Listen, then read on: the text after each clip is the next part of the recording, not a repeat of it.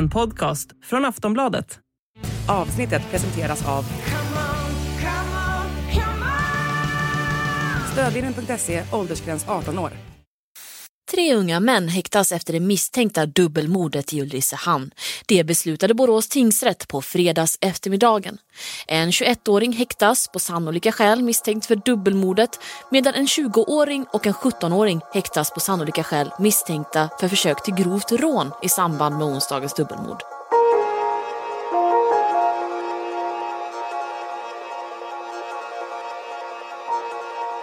De väcktes mitt i natten av att någon ringde och bankade hårt på dörren. Det upphörde, men bara några minuter senare skymtade några skuggor på balkongen på andra våningen. Skuggorna slog in en ruta, hoppade in och gick till angrepp mot 21-åringen bosatt i lägenheten.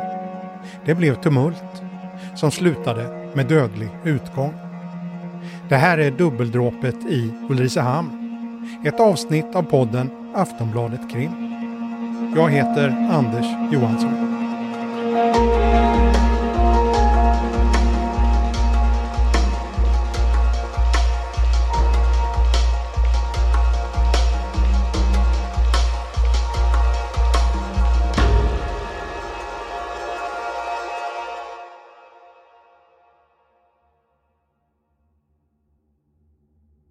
Det här avsnittet kommer vi börja med att lyssna på ett larmsamtal. Samtalet som går till SOS Alarm rings in sex minuter över ett natten mellan den 13 och 14 september 2022. Det är dramatiskt, så vi vill varna känsliga lyssnare. Samtalet börjar med att en man skriker en adress flera gånger och att någon brutit sig in. Det är uppjagat och larmoperatören försöker få klarhet i vad som hänt. Vem är det som bryter sig in det? Jag vet inte, de är maskerade män! Larmoperatören försöker förstå vad inringaren säger. Hon meddelar samtidigt att polisen också är med i samtalet. Inringaren upprepar adressen och försöker förklara vad som hänt. De bryter sig in här via balkongen. Slog sönder rutan och hoppade in. Men är de kvar där? Jag har dödat dem med kniv. Oj! De är maskerade men de ligger blod överallt. Jag går i glas. Fort alltså! Ja, jag kan få ditt personnummer då. Larmoperatören begär och får personnummer på personen som ringer. Han säger sitt namn också. Samtalet fortsätter. Och hur har du gjort detta? Vad sa du? Hur har du gjort detta? Hur jag har gjort det? Jo, vi hörde dem stå och bunka på dörren och sen hörde vi balkongen slå sönder rutan och hoppa in maskerade. Jag och min flickvän här. Så, får jag prata med henne då? Hon är på toa nu. Så, ja, jag kan vänta tills jag har polis och sköterska. Skynda bara för fan! Skojar ni med mig eller? Så. Noah? Ja. Ja, vad är, det som, vad är det du har gjort? Jag... Vad, vad jag har gjort? Jag har gjort, inte gjort någonting. Under samtalets gång börjar flera polispatruller röra sig mot adressen. Larmoperatören försöker få fram fler detaljer. Ja, du ringer in och säger att du har först haft inbrott och sen att du har dödat någon. Ja, då ligger blod och den personen ligger kvar här nu. Personen ligger kvar. Är det en eller flera? Jag får panik. Vad sa du? Är det en eller flera? Det är två personer som är döda. Senare i samtalet tar flickvännen över telefonen. Hon berättar att de vaknat av att det bankat på dörren och senare att det lät som att någon klättrade på stuprännorna. Hon säger att de sprang in på toaletten och har gömt sig där sedan dess. Samtalet fortsätter i flera minuter. Hon berättar att hon ser två blodiga personer på golvet. Efter 12 minuters samtal hörs hur första polispatrullen kommer in i lägenheten. Det kom någon mer i lägenheten. Vi klippan på toan. Och sen en katt. Nej, bara en katt. Känner du? Ingen aning.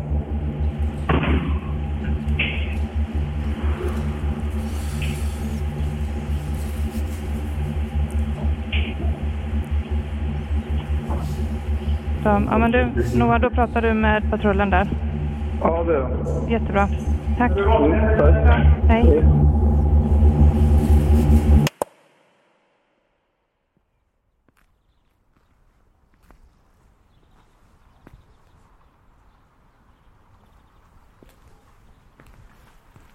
Vi är i Ulricehamn.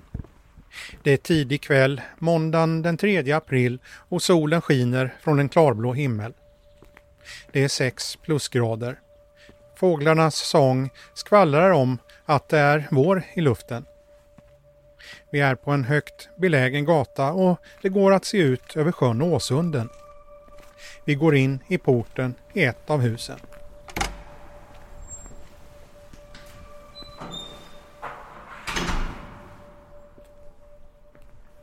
Vi är här för att vi vill prata med någon som kan berätta något om en händelse som inträffade här i mitten av september förra året. En händelse som kostade två människor livet.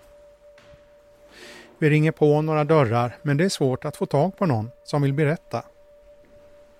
En som vi pratar med känner till händelsen men vill inte säga något. Efter några minuters frågande ringer vi på ytterligare en dörr i trapphuset. Hej hej, jag kommer från Aftonbladet. Förlåt att jag stör så här. Mannen som öppnar är i 40-årsåldern och ser ut att precis ha kommit hem från jobbet. Det hörs småbarn inifrån lägenheten. Han har bott i Ulricehamn många år, men de senaste åren har han bott i Borås. Nu har han nyligen flyttat tillbaka igen. Ja, det, det är ett vanligt eh, område så det är jättelugnt i, i det här området. Det är ingenting som alltså, gör skillnad mellan det här området och andra områden i Ulricehamn. Ja, det är ganska fint och lugnt. Anledningen till att grannen nu flyttat tillbaka har att göra med det vi är här för att prata om. Hans son har nämligen bott i Ulricehamn de senaste åren. En dag när grannen är på väg till jobbet ringer hans son och berättar att någonting har hänt. Eh, Ja, det var min son som, eh, som ringde mig och sa att det, det hände något här. Eh, och eh, jag var på väg till jobbet. Eh, och eh, ja, det var den som jag hörde. Och sen på jobbet hörde jag att det var någonting. Och sen på tidningen. Det som rapporteras är att två personer mist livet och att en annan person är gripen. Det är stora rubriker både lokalt och nationellt och det som beskrivs är dramatiskt. Grannen som vi pratar med reagerar starkt på uppgifterna i tv och tidningar. Så först och främst tänkte jag på min son. som bodde här och sen, eh, och sen sa jag till honom att eh, han ska flytta ut så snart som möjligt. Eh, men sen han sa att nej, han vill inte göra det. Men jag sa att okej, jag flyttar in till det här byggnaden. Så vi ska vara nära varandra. Det hela leder alltså till att grannen flyttar tillbaka till Ulricehamn för att vara nära sin son. De bor inte i samma lägenhet men nära varandra för att kunna stötta varandra. Precis då, när jag hörde den, det var bara spontant och sa att alltså, du ska flytta ut. Men sen tänkte jag att nej, det kommer kanske inte hända igen eh, just i den här byggnaden eller med min son för han är en väldigt lugn kille och han går till jobbet, kommer tillbaka och sen ingenting. Eh, men, eh, men då tänkte jag att ja, ja, kanske det är inte tryggt att vara där. Kanske det kommer att hända alltså, mer konflikter kring detta. Men eh, Nej, ja, nej, sen och tänkte jag nej, det kommer inte bli så. Eller hoppas vi att det kommer inte bli så. Nu har det gått ett halvår sedan händelsen som fick grannen att flytta tillbaka till Ulricehamn. Livet har gått vidare, men han funderar fortfarande ibland på det som hände. Själva händelsen har lett till åtal och rättegång. En rättegång om ett fall som beskrivs som komplicerat. Grannen beskriver själv händelsen på precis samma sätt. Ja, men det, jag kan säga att det är väldigt komplicerat. Väldigt komplicerat i det här fallet. Eh, för eh, ja, den som har hänt och hans bakgrund. Och, eh, ja, det är väldigt komplicerat. Det är svårt att säga att, hur är det, hur det är. Ja, jag vet inte. Jag är inte polisiär men, men väldigt svårt att säga. Ja.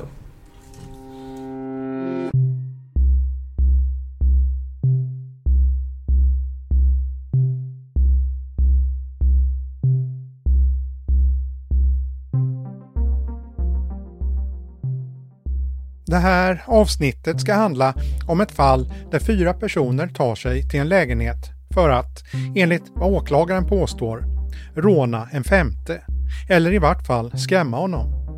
Men där rånoffret går till motvärn, vilket leder till att han själv blir åtalad för brott och ställs inför rätta.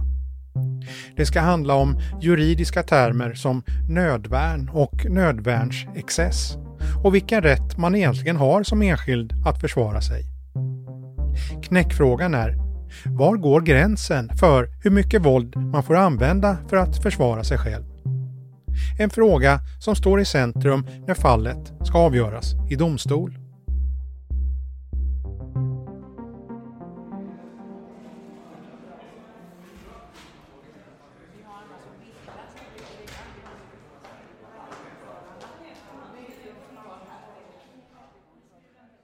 Vi befinner oss i Borås tingsrätt.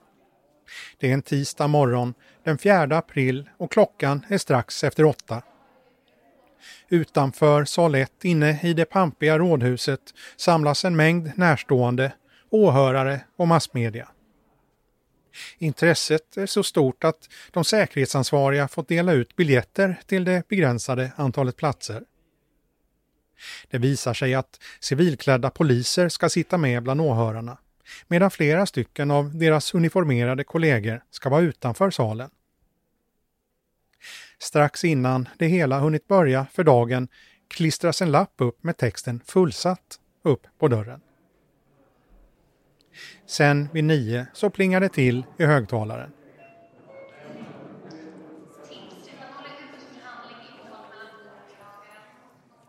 Inne i salen är det fullt med aktörer.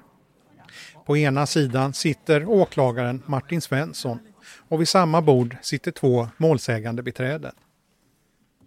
På samma sida bakom dem sitter ytterligare tre advokater, målsägande beträden. På andra sidan sitter tre av de fyra misstänkta. En av dem heter Noah Börjesson och är 22 år. Han har gett oss tillåtelse att återge hans namn och röst. Vi ska återkomma till det. Det är i vanlig ordning lite strul med tekniken. Ytterligare en åtalad ska vara med på länk så förhandlingen försenas något. Då så, tingsrätten ska alldeles strax komma igång med den här förhandlingen. Eh, vi ska bara få med oss den sista parten som ska vara med på länk. Eh, vi har lite problem med den just nu.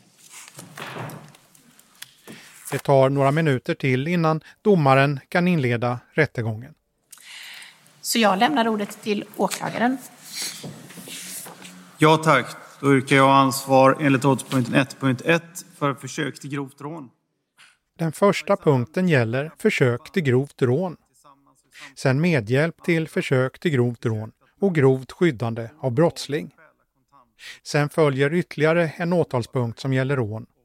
Den här gången av normalgraden. Men sen kommer åklagaren till punkt nummer tre. Och det är den punkten som dragit allmänhetens och medias intresse till sig. Vi lyssnar. Enligt punkten, åtalspunkten 3, sen 3.1 först, så yrkar jag ansvar för dråp. Noah Börjesson har dödat genom att utdela upprepade knivhugg mot honom. Sen följer åtalspunkt 3.2 som är närmast identisk med punkt 3.1. Och yrkar ansvar för dråp också enligt åtalspunkten 3.2. Noah Börjesson har dödat genom att utdela upprepade knivhugg mot honom. Noah Börjesson begick gärningen med uppsåt.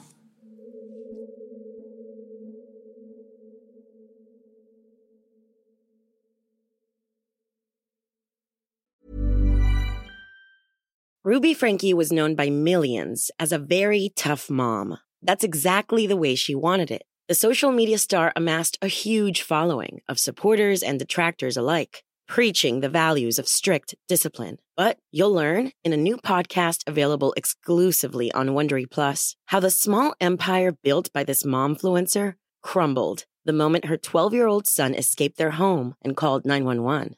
Wondery and Law and Crime bring you the new podcast, The Rise and Fall of Ruby Frankie, which explores the allegations of starvation, torture, and emotional abuse leveled against Frankie and her business partner, Jody Hildebrandt. Learn about the family's path to stardom, the depravity investigators uncovered inside the home, and hear in depth analysis of the ongoing criminal trial. Listen to the rise and fall of Ruby Frankie exclusively and ad free on Wondery Plus. Join Wondery Plus in the Wondery app or on Apple Podcasts.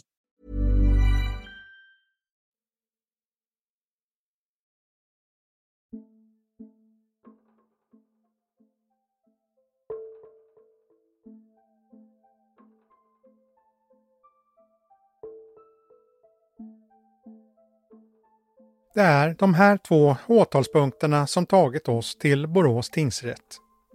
Två fall av dråp. Två människor som mist livet. I det här avsnittet ska vi ta del av två olika versioner om vad det är som har hänt. Åklagarens version och huvudpersonens version. De båda berättelserna kretsar kring ett brott som övergår i ett annat. En övergång där en av de inblandade går från att bli utsatt som brottsoffer till att åtalas som förövare. Allt börjar den 13 september 2022 när en grupp människor i Ulricehamn hänger tillsammans. Fyra män och en kvinna. Alla runt 20-årsåldern. Den yngste är 17 år. Gruppen har enligt åklagaren en konflikt med Noah Börjesson den här berättelsens huvudperson. Det finns ett missnöje mot Noah Börjesson som grundar sig i att han säljer narkotika i Ulricehamn. På kvällen hänger den här gruppen tillsammans. Ilskan mot Noah växer. Enligt en person som är med under kvällen tar några av killarna droger och pratar aggressivt om Noah. Så blir stämningen upptrissad. Personer är påverkade de fyra unga männen bestämmer gemensamt om att de ska åka hem till Noah. Det pratas om att Noah har både kontanter och narkotika hemma. De pratar om att de dels ska markera mot honom i den pågående konflikten. Dels ta kontanter som han har hemma, narkotika och eventuellt dyra kläder som han har hemma. Gänget har bestämt sig. De ska ta sig till Noas hem och bryta sig in. De börjar förbereda sig. Man maskerar sig med luvor och eller balaklava och tar på sig handskar. En av killarna tar på sig en skyddsväst och beväpnar sig med mattkniv. Innan de beger sig av lägger de bort sina mobiltelefoner. Det bestäms att telefonerna, mobiltelefonerna ska lämnas kvar Mobilerna lämnas hos den 20-åriga kvinnan. Hon får tydliga instruktioner. Hon ska ta hand om dem och hon får i uppdrag att göra sig av med telefonerna om man inte kommer tillbaka under natten. De fyra killarna lånar en bil och åker sedan mot Noas hem. Det har blivit natt. Man tar sig till fastigheten och in i trapphuset som är olåst. Väl inne i trapphuset går några av dem upp mot Noas dörr. Och man tar sig upp i trapphuset, ringer och bankar på på Noas lägenhetsdörr och bänder i brevinkastet. Förövarna för ett rejält liv. En granne reagerar och kommer ut i trapphuset och undrar vad som pågår. Det är vardagsnatt och hon försöker sova och blir upprörd. De två gärningsmännen i trapphuset blir förbannade på grannen. Enligt åklagaren tar de hennes mobil ifrån henne slår henne med knytnävar och tar stryptag. Samtidigt fortgår planen att ta sig in till Noah på ett eller annat sätt. Gärningsmännen har redan innan detta förstått att man inte kommer in via dörren till Noahs lägenhet och istället ska man försöka ta sig in via balkongen på baksidan, belägen på andra våning. Två av de fyra misstänkta gärningsmännen klättrar upp till balkongen. När de tagit sig upp krossar de ett fönster och tar sig in i lägenheten. Sen går allt fort. Noah Börjesson har dessförinnan tagit fram en kniv som han förvarat i garderoben och med den hugger han de båda inkräktarna. Enligt åtalet hugger Noah Börjesson inkräktarna flera gånger med sin kniv. Huggen tar illa. Några minuter senare är båda maskerade personerna döda. De två andra killarna flyr från trapphuset. Det som inleddes som ett grovt rånförsök avslutades med att två personer dödades. En fruktansvärd utgång som har påverkat stora delar av det annars, vågar jag säga, mestadels lugna och harmoniska Ulricehamn. Men självklart så har det allra mest påverkat och traumatiserat släkt och vänner till de dödade.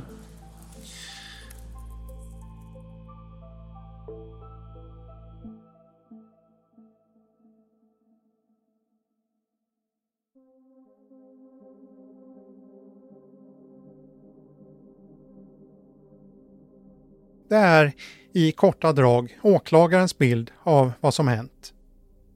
Och det är händelseförloppet under de här sista avgörande sekunderna som den här delen av målet handlar om. Från att gärningsmännen bryter sig in tills att de dör. Åklagarens bild är att våldet inte är försvarligt. Att Noah gått över gränsen för vad som är proportionerligt. Noahs bild är en annan. Vi eh, ska sätta igång en inspelning och säger att det är förhör med Noah Börjesson. Varsågod. Ja, tack. I rätten får han beskriva hur han upplevde situationen den här septembernatten. Allt börjar när han och flickvännen ligger och sover. Eh, eftersom att det var en vardag så hade vi gått och lagt oss vid klockan nio ungefär. De sover lugnt några timmar. Men så vaknade vi ungefär vid klockan 10 runt den tiden i alla fall. De vaknar av bankandet på ytterdörren. Samma personer som bankar plingar även på ringklockan och rycker i dörren. Noah och hans flickvän vet inte vilka det är som bankar, men de går inte upp för att kolla vad som sker. Tvärtom. Eh, och vi försöker vara så tysta som möjligt eftersom att vi vill, det är lyhört i lägenheten och vi vill låtsas som att vi inte är hemma. Det verkar fungera. Efter ett tag tystnar bankandet. Det, det slutar att plinga och dras i dörren. Samtidigt hör Noah och hans flickvän hur en granne öppnar sin dörr ut i trapphuset. Eh, så vi tänker att det är eh, någon som har gått fel eller någon som skulle till grannen. Det hela kanske bara var ett missförstånd. Noah går upp till dörren och kikar genom titthålet. Det är ljust i trapphuset, men han ser ingen där. Det gör honom lite lugnare och han och hans flickvän går tillbaka till sängen. Så vi går och lägger oss igen. Eh, vi går och lägger oss i sängen igen. Men lugnet varar inte länge. Bara ett kort tag senare börjar det låta igen. Men den här gången är det alltså inte vid ytterdörren utan nedanför fönstret. Jag kan inte exakt förklara ljudet men det låter som att det är något metallläte i alla fall. Att någon... Så vi, eller jag tänker att det är någon som ska klättra upp på min balkong. Han och flickvännen kommer upp från sängen igen. Då står jag ungefär, då har vi tagit oss upp igen från sängen. Eh, står ungefär mitt i vardagsrummet. Eh, och det är mörkt eftersom att vi låtsas som att vi inte är hemma. Och det är natt. Noah berättar att han öppnar en garderob och tar fram en kniv. Så jag tog fram den för att kunna försvara oss. Med kniven i handen bestämmer han sig för att göra ett försök att se varifrån ljuden kommer. Om det verkligen är någon som klättrar upp mot hans balkong. Sen går jag in i köket och eh, kollar ut genom fönstret där. Eh, och för att kolla om det, jag ser någon som klättrar upp på balkongen. Men han ser ingenting. Fortfarande med kniven i handen går han in till sin flickvän igen. Hon har lagt sig i soffan i vardagsrummet. Då märker han att något händer.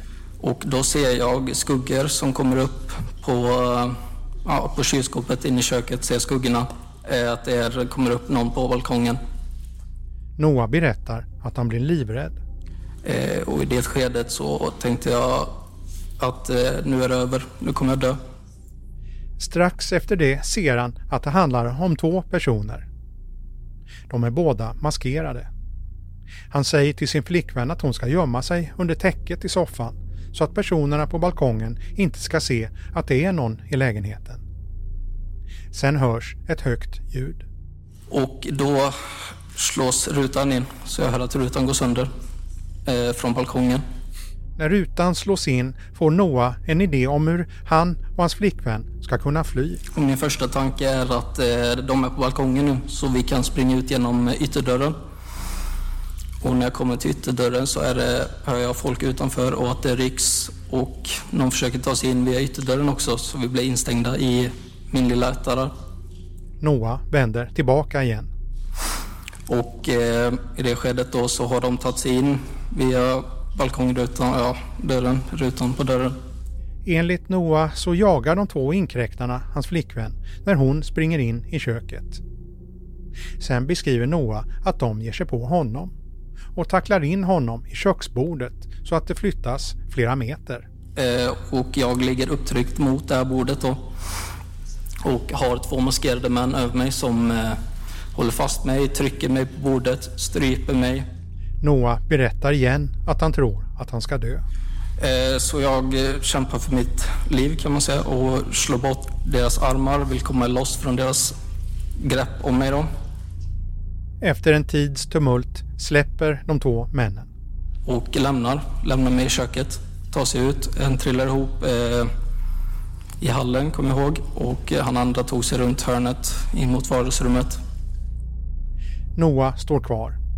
Han säger själv att han är i chock, att han bara skakar. Och eh, jag var blodig och stod i mina kalsonger. Så jag trodde att jag hade blivit skadad. Och jag kollade runt om på min kropp men jag var inte skadad någonstans. Han ropar in till sin flickvän och kollar att hon är okej. Okay. Sen hör han att någon skriker i trappuppgången. Och då hör jag utanför att det är någon som eh, ropar att polisen kommer eller något aina kommer. Kort senare ser han två killar springa nere på gångvägen utanför hans lägenhet. Han går in i vardagsrummet för att hitta sin mobil. Sen ringer han polisen.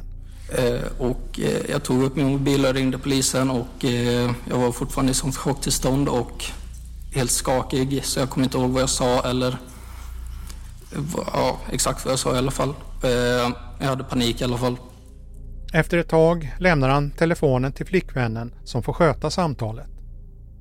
Ungefär samtidigt letar han fram en låda med narkotika som han gömt bakom datorn. Han slänger ut den genom fönstret. Snart därefter hör han röster i trappuppgången. Det verkar vara grannarna som undrar vad det är som pågår. Så då öppnar jag dörren för att meddela dem att eh, polisen är på väg och eh, att jag har blivit överfallen i min lägenhet här. Sen tar det inte lång tid innan polisen är på plats. De ber Noah lämna lägenheten. Hans flickvän får hjälp ut ur hemmet av en annan polis. Sen är det över. Och eh, ja, det var ungefär hela händelsen. Mm. Tack så mycket. När polisen och ambulanspersonalen kommer in i lägenheten kan de snabbt konstatera att de båda männen är döda. Det ska senare konstateras att de dött av upprepade knivhugg. En av de första poliserna på plats beskriver det som att det är väldigt mycket blod på golvet. Noah grips och är inledningsvis misstänkt för mord. Även hans flickvän misstänks, men hon släpps lite senare. Det är först sent i utredningen, när förhören kastat ytterligare ljus över händelsen, som åklagaren ändrar brottsrubriceringen från mord till dråp. Åklagaren säger då att han tycker att det är tydligt att Noah befunnit sig i en nödvärnssituation. Men han säger samtidigt att våldet är oförsvarligt. Det är alltså det här åklagaren ska leda i bevis. Att Noah varit för våldsam när han försvarat sig. En del som åklagaren ifrågasätter gäller Noahs berättelser om att han blivit strypt. Vi hör åklagaren Martin Svenssons utfrågning. Nej, nej jag, jag, jag blir lite konfunderad. Jag har ju hört dig säga det på rekonstruktionen och här nu. Mm. Men jag har läst igenom alla dina förhör dessförinnan ja. noggrant. Och ingenstans säger du någonting om att någon stryper Till en början så kommer jag inte ihåg jättemycket av händelsen. Det var rätt svart. Men när jag kom tillbaka till lägenheten så kom väldigt mycket tillbaka. Mm. Okej. Okay. Åklagaren har fler frågor om strypgreppet. Det, det jag funderar lite på också utifrån att du säger stryptag. Eh, det är ju att du, har undersökts noggrant. Ja. Och det finns inga märken på dig. Det finns en, du, har, du har sår på fötterna mm. efter att ha gått på glas. Och du har en liten sårskada på ena fingret. Det är det, det är det man kan hitta när man undersöker det noggrant. Okay. Eh, vad, vad, tänker du om det utifrån att du berättar om stryptag? Hur menar du? Det har inte lämnat några märken uppenbarligen. Nej. Nej. Men eh, lämnar märken efter ett stryptag när de trycker ner mig på marken?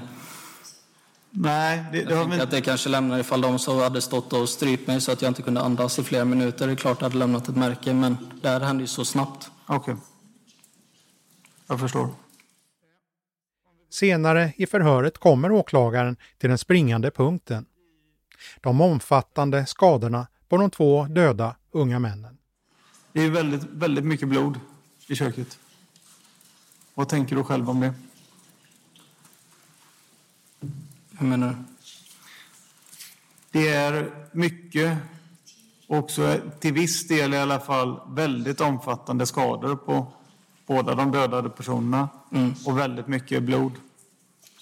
Har du någon egen tveksamhet kring om det är du som har gjort det mot dem? Det är liksom, jag förstår inte vad du vill. Är det du som har tillfogat dem alla skadorna? Det är antagligen jag som har gjort det, ja. Det är antagligen du som gjort det? Ja. Det. Och när du säger antagligen så är, så är det det som jag, det är det som jag är inne på lite. För att jag... Eh, jag skulle gärna ha velat att du bättre kunde berätta då hur, hur de skadorna tillfogas dem. Jag kan inte bättre berätta det för det hände så snabbt alltihop och eh, som sagt det var ju liksom efteråt så trodde jag ju att jag var skadad och mm. De sa aldrig någonting eller eh, de fortsatte bara på mig. Och det var som att de inte märkte att de blev skadade i sådana fall. Vad är det de fortsätter med då? Trycka ner mig, försöker få fast mig så att jag inte kan röra mig. Mm. Åklagaren Martin Svensson fortsätter. Han undrar om Noah kan ha attackerat männen innan de attackerade honom. Har du gjort någonting mot dem innan de har rört dig?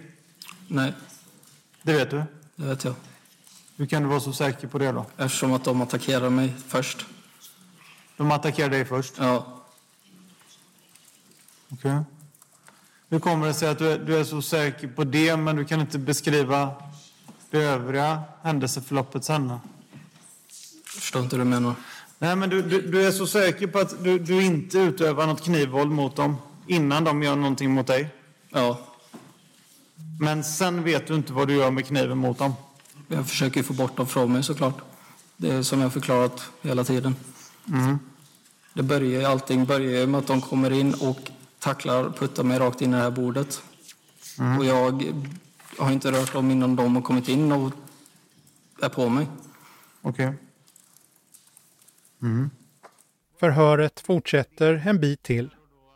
Noah får frågor om han har haft en konflikt med personerna. Något han nekar till. Sen är förhöret över. Mm. Mm. Ja, tack. Jag har inga fler frågor just nu. nu. Tack. Mm.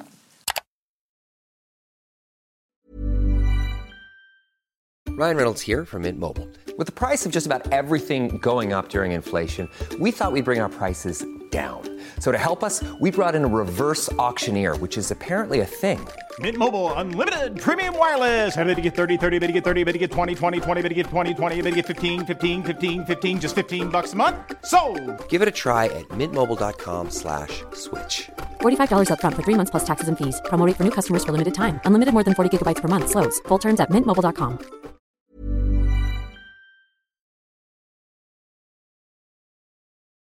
En ytterligare sak som talar till NOAs nackdel, enligt åklagaren, gäller kniven. Åklagaren har påpekat att den var av särskilt farligt slag. En så kallad avfångningskniv. En dubbeläggad stickkniv som jägare i undantagsfall kan använda för avlivning av skadeskjutet vilt när det inte går att skjuta. En typ av kniv som också används vid slakt av tamdjur. Kan det verkligen vara försvarbart att använda ett sådant farligt vapen i en situation som den som uppstod? Advokat Mia Sandros, Noas försvarsadvokat, menar det. Vi pratar med henne utanför rättssalen.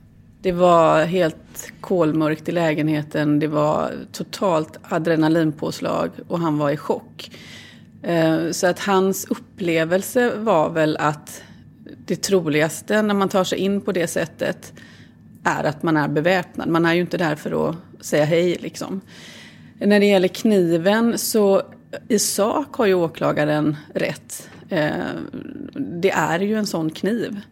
Men att Noa valde att använda den kniven var ju för det första inget aktivt val utan det var den, som, det var den han hade. Den eh, hade han haft i eh, ungefär tre år eh, och den låg i hans garderob. Den hade följt med genom olika flyttar och så. Så, så det um, som jag inte tycker blir um, så, kanske så snyggt av åklagaren det är att man lyfter fram det som en omständighet. Men det var ju en ren tillfällighet. Hade det varit något annat som låg där som Noah kunde försvara sig med så hade han tagit det istället. Han tog det som låg närmast. Mia Sanderos är part i målet, ska sägas. Det är hennes jobb att tycka som hon tycker. Men hon vill framhålla att hon tycker så här därför att det finns flera omständigheter som talar för det, rent objektivt. Och de omständigheterna ska hon påpeka för domstolen som sen ska stå för det slutliga tyckandet och dömandet. För att det ska bli en riktig bedömning menar hon att rätten behöver sätta sig in i Noas situation och utgå från hans perspektiv. Hans perspektiv var att han låg och sov i lugn och ro en tisdagnatt eh, när det plötsligt klättrar in eh, två maskerade personer genom hans eh, balkongruta. Jag tror att någon, om det var Noah eller hans flickvän, som beskrev det som att personerna i fråga i princip klev rakt genom rutan och plötsligt står de där inne. Säger inget och går direkt till attack på Noah. Det är ett, eh, ett allvarligt brottsligt angrepp mot Noah som inleder det här händelseförloppet. Ehm, där han också är i, i den situationen i livet där man kanske som allra mest har rätt att känna sig trygg hemma i sängen mitt i natten. Ehm, och det eh, då kliver in maskerade ehm, Eh, personer som Noah ju inte har en aning om ifall de är beväpnade eller inte. Och situationen som sådan är ju så hotfull och så fysiskt hotfull att jag menar att Noah har haft rätt att försvara sig även med en kniv och på det sättet som han har gjort. Och den omständigheten att det har blivit så svåra skador och en sån tragisk utgång förändrar liksom inte bedömningen av Noas agerande och vad han har haft rätt till. Utan det har varit en... Eh, för att prata ren svenska, bara otur.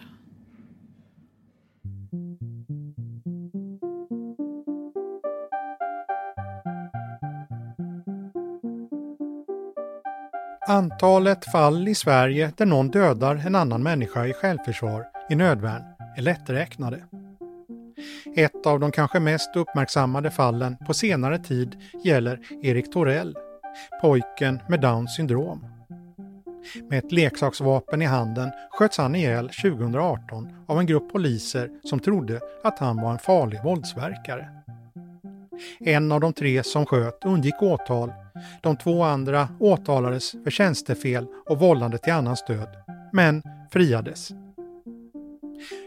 Fallet i Vallåkra 2015 är ett annat nödvärnsfall med dödlig utgång. Där fick en äldre man besök av två personer som hotade honom och som han sköt med ett hagelgevär genom fönstret i sin ytterdörr.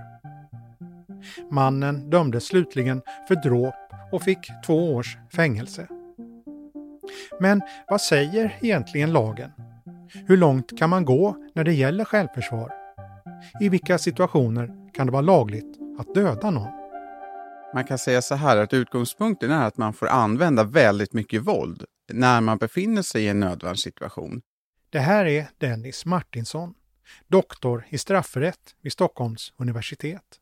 Man kan utläsa av domar från Högsta domstolen att man får faktiskt försvara sig i nödvärn och man kan gå fri från ansvar även om man skulle döda en person. Men det är väldigt extrema fall. Det ska väl i princip då handla om att eh, mitt liv står mot den personen som angriper mig.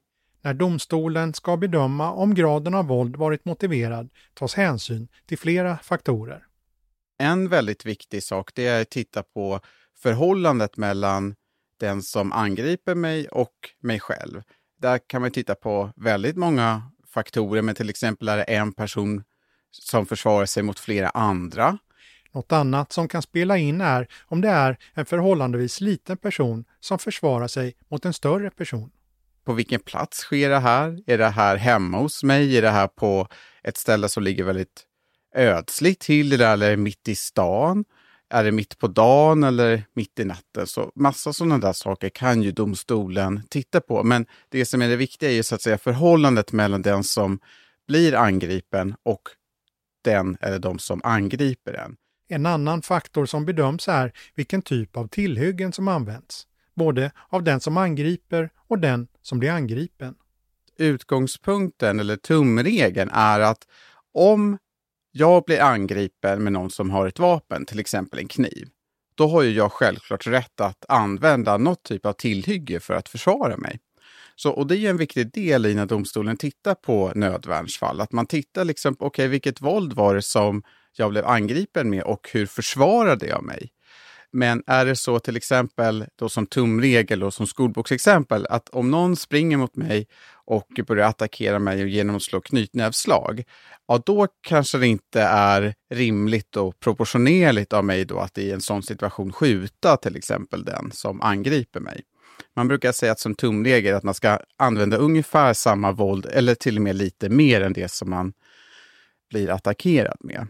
Eh, men tumregeln är så att säga, blir man angripen med tillhygge får man själv använda ett tillhygge. Även om det finns tumregler och tydliga faktorer som ska vägleda domstolen är det här ofta knepiga fall att bedöma, enligt Dennis Martinsson. Svårigheten är att det inte riktigt går att dra en exakt gräns för till exempel hur våldsamt man får försvara sig.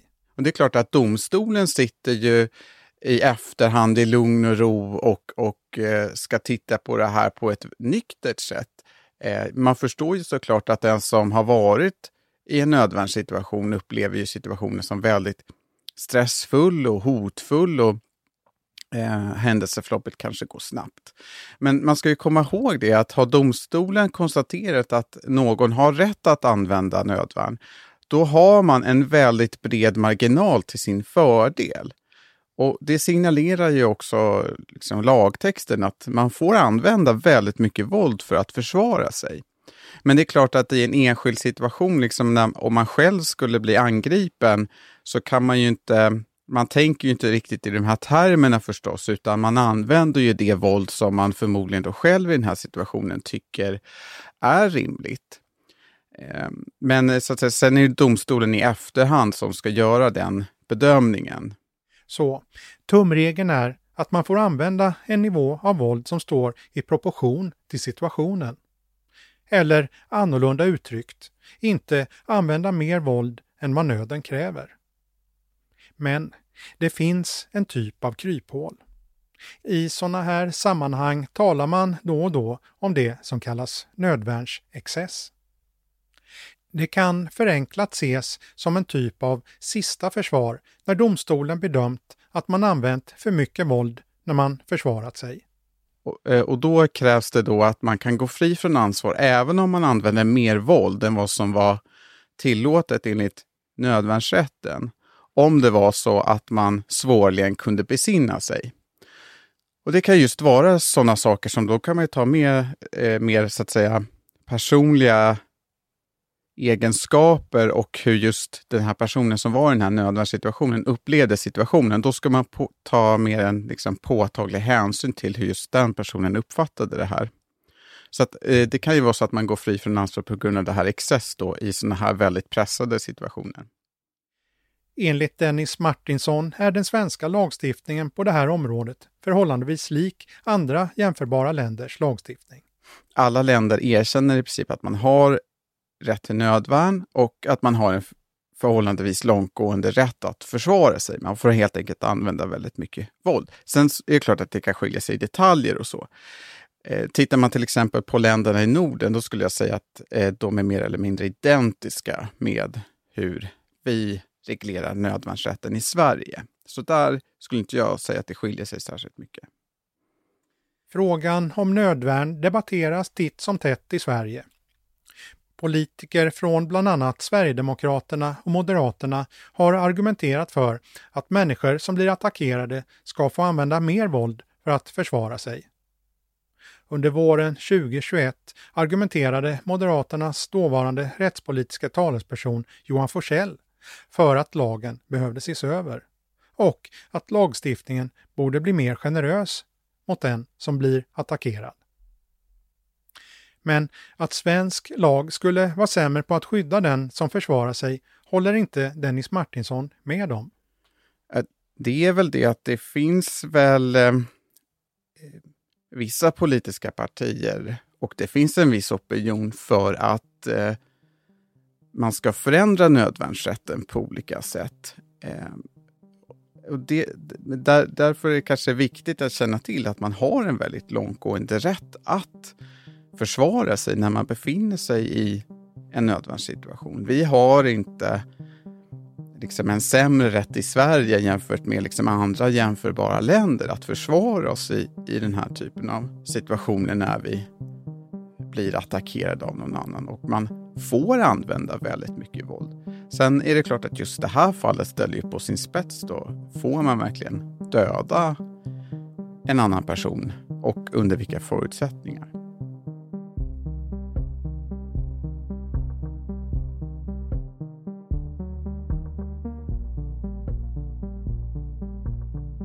När vi spelar in det här är rättegången ännu inte avslutad. En dom ligger fortfarande några veckor bort. Det kan därför vara värt att påpeka att de åtalade ska betraktas som oskyldiga. De två unga männen som dog har begravts. Vänner och anhöriga kommer inte få träffa dem igen. En person berättar i ett förhör att han förlorat två av sina bästa vänner. Han säger att han inte kan ta in att det är sant att de är döda. Huvudpersonen Noah, åtalad för två fall av dråp. Han erkänner alltså utan omsvep vad som påstås, men med den stora skillnaden att han anser att han inte begått något brott i den situation som uppstod. Han hade inget uppsåt att döda någon, alls. Och det här är bakgrunden till att han godkänner att vi får återge hans namn och röst. Hans advokat Mia Sandros, som vi hört tidigare, berättar. Han känner ju så starkt eh, att han eh, inte har gjort något fel. Och nu får du förstå mig rätt här, för att det är klart att han eh, vet vad han har gjort och konsekvensen av det. Och det kommer han, som jag har sagt flera gånger nu, få leva med resten av sitt liv. Eh, men hans agerande i den här situationen eh, han hade inte kunnat göra på något annat sätt. Jag tror han har uttryckt det någon gång eh, när vi har pratat att hans upplevelse var att det är dom eller jag. Och flickvännen hade han ju också att tänka på. Han trodde att han skulle dö eh, i den här situationen och han har bara försvarat sig. Och när man vet att man inte har gjort något fel eh, juridiskt sett så tycker han heller inte att han har liksom någonting att dölja. Oavsett den juridiska utgången, om det kommer bli en friande eller fällande dom för vissa, finns det några saker som inte kommer att förändras. Och det är samtliga inblandades upplevelser av det som hänt. de närståendes förtvivlan och sorg och kvarstående rädsla i flera fall. Det här är en sak som några av advokaterna också tog upp i rätten. De sa det finns bara förlorare i det här målet, oavsett hur det slutar. Ja, men hela den här händelsen är ju så djupt tragisk. Ehm, Två personer som sagt har mist livet. Eh, Noah och förmodligen hans flickvän eh, är traumatiserade för livet. Eh, och till vilken nytta? Alltså, det är ju så onödigt.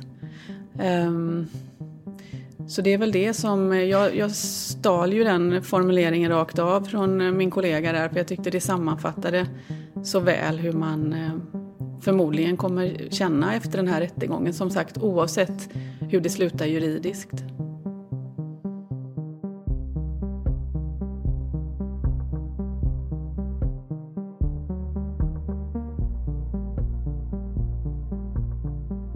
Du har lyssnat på ett avsnitt av podden Aftonbladet Krim.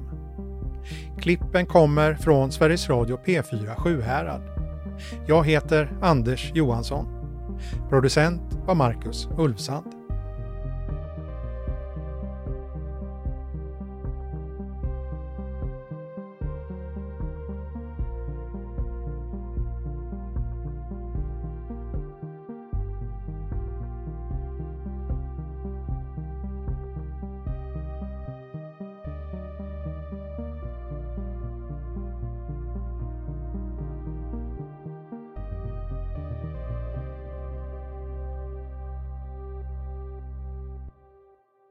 Du har lyssnat på en podcast från Aftonbladet. Ansvarig utgivare är Lena K Samuelsson.